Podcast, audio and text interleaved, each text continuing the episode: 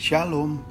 Tidak pernah bosan kita selalu setia untuk mendengarkan renungan kita setiap hari. Kiranya renungan itu selalu menjadi berkat buat kita bersama dan selalu di masa-masa Covid ini justru renungan ini menguatkan kita, renungan ini meneguhkan kita, bahkan membawa kita dalam kedekatan hubungan kita dengan Tuhan.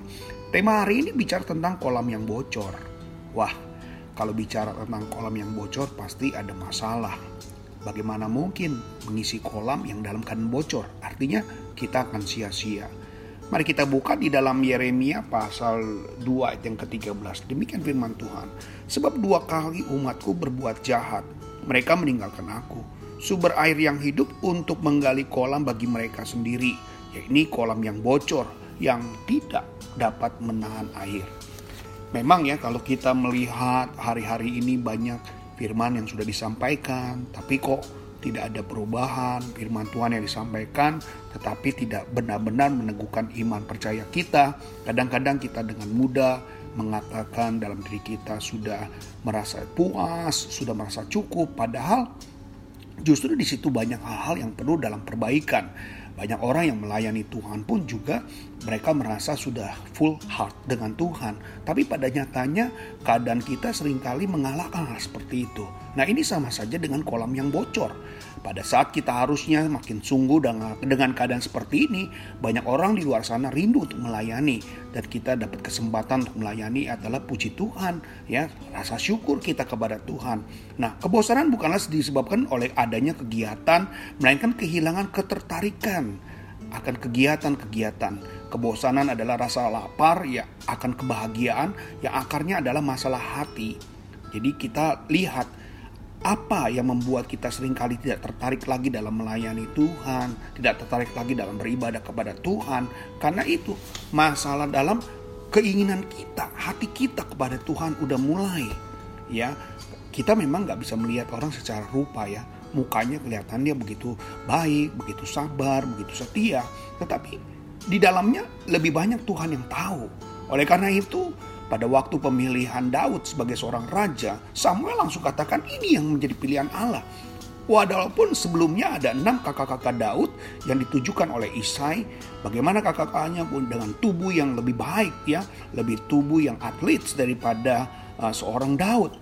Tetapi memang di situ dikatakan Tuhan tidak melihat rupa, tapi Dia melihat hati. Nah, janganlah kita menjadi orang-orang yang memiliki rasa uh, kebosanan ya di dalam pelayanan kita kepada Tuhan, merasa sudah merasa capek dalam melayani Tuhan, mari kita gairah kita, hati kita. Jangan melihat pandang kepada manusia, jangan melihat pada rupa pelayanan yang kita lakukan. Lakukan saja. Sewaktu kita hari di dalam keadaan sehat, kita masih bisa melayani Tuhan. Wow, puji Tuhan. Berapa banyak hamba Tuhan yang saat ini sudah menderita, sakit. Mereka nggak bisa melayani, mereka rindu melayani.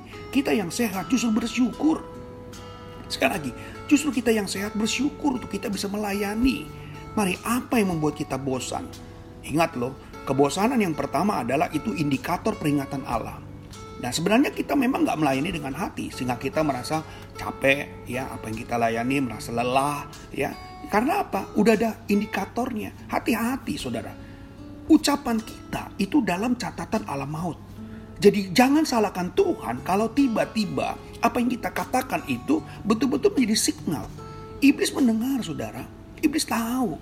Saudara jangan berpikir bahwa apa yang sudah lakukan itu berdasarkan apa yang menjadi keinginan Allah. Nggak ada. Keinginan untuk merasa meninggalkan, merasa lelah, merasa jenuh. Nah, itu adalah sesuatu yang iblis taruh. Mungkin iblis bilang apa ngapain lu melayani, ngapain lu bisa lakukan ini itu, lu nggak happy, lu nggak bahagia. Saudara yang kasih dalam Tuhan, relasi kita dengan Allah hati-hati.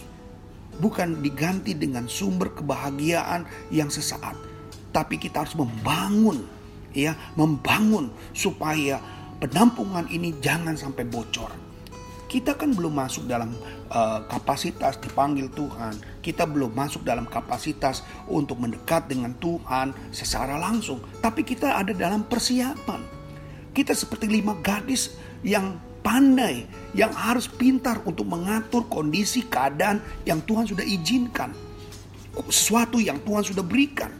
Mari segarkan jiwa kita, buangkan rasa frustasi dalam diri kita. Ya, Tadi saya katakan jangan memberi makan kebosanan dengan hiburan dan stimulasi dengan mudah ya seperti dalam kehidupan kita dengan food karena itu akan membuat kita menjadi lemah, membuat kita menjadi mudah sakit, membuat kita mudah uh, terserang dengan stroke. Nah itu oleh karena hati-hati. Kalau kita hari ini merespon firman Tuhan bahkan apatis, pasif dan lambat, hati-hati. Ini adalah indikator peringatan ketika kita bisa meninggalkan Tuhan. Yang kedua yang membuat kita menjadi bosan adalah sebagai undangan Allah.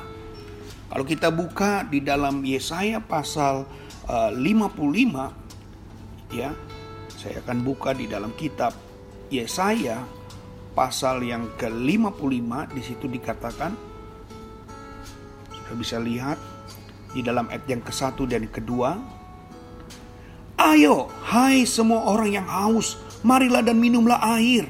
Dan hai orang yang tidak mempunyai uang, marilah terimalah gandum tanpa uang pembeli, dan makanlah juga anggur dan susu tanpa bayaran. Mengapa kamu belanjakan uang untuk sesuatu yang bukan roti, dan upah jeripayamu untuk sesuatu yang tidak mengenyangkan? Dengarkanlah aku, maka kamu akan memakan yang baik, dan kamu akan menikmati yang paling lezat. Kita menerima undangan, dia akan menuntun saudara dan saya untuk apa? Sumber sukacita sejati. Formula sukacita sejati adalah sadar dalam diri kita yang sedang kita kerjakan. Saudara jangan sampai tercelek ya, jangan sampai kita kecelek dengan apa yang menjadi selama ini menjadi kita galau, menjadi kita malas, menjadi kita ragu, menjadi kita jenuh. Nah ini yang harus dibangunkan. Daud pernah mengalami apa yang saudara sering alami. Maka Daud katakan kepada Tuhan, "Ah oh, Tuhan, bangunlah hai jiwaku." Kenapa? Karena ada rasa kejenuhan itu. Mari, Daud gak pernah cerita dengan sahabatnya, tapi Daud langsung connect dengan Tuhan. Kalau saudara ada hal apa pun, kembalikan kepada Tuhan. Ada masalah apa pun, datang kepada Tuhan. Dialah sang pembebas. Tuhan bilang katakan pencobaan yang kau alami pencobaan biasa. Tapi sesungguhnya di ayat yang terakhir katakan Tuhan akan kasih engkau jalan keluar. Mari bangun saudara. Supaya apa? supaya apa yang hari ini menjadi undangan Tuhan untuk saudara menerima formula sejati yaitu sadar bahwa apa yang kita lakukan ini untuk Tuhan bukan untuk manusia. Apa pun yang sudah kerjakan hari ini. Entah saudara menjadi pengurus gereja entah saudara sebagai WL ataupun singer entah saudara sebagai penyambut tamu kolektan apa saja atau tim doa. Semua kesenangan adalah tanda mengarahkan kita kembali kepada Allah. Kita ini sedang membayar hutang. Kita ini sedang bayar hutang saudara, bukan sedang menerima uh, penghutangan dari Tuhan. Enggak, kita sedang bayar hutang. Yesus telah mati di atas kayu salib dan balas kita adalah mengembalikan apa yang Tuhan sudah korbankan buat saudara dan saya. Alami saudara. Mari jangan sampai kolam ini menjadi bocor. Dan apalagi kering. Mari saudara putuskan untuk saudara melekat dengan Tuhan. Supaya saudara tetap memuliakan nama Tuhan. Jangan sampai saudara lemah, Jangan sampai saudara kalah. Mari tambal itu kolam yang bocor supaya saudara tetap intim terus dengan Tuhan. Itu saja kebenaran firman Allah supaya ini terus jadi berkat buat kita. Tuhan Yesus memberkati. Shalom. Sampai jumpa esok hari. Kiranya damai sejahtera dari Allah Bapa, kecintaan dan kasih karunia Tuhan kita Yesus Kristus, persekutuan serta penghiburan dari Roh Kudus menyertai kita sekalian mulai hari ini sampai Maranatha Tuhan Yesus datang.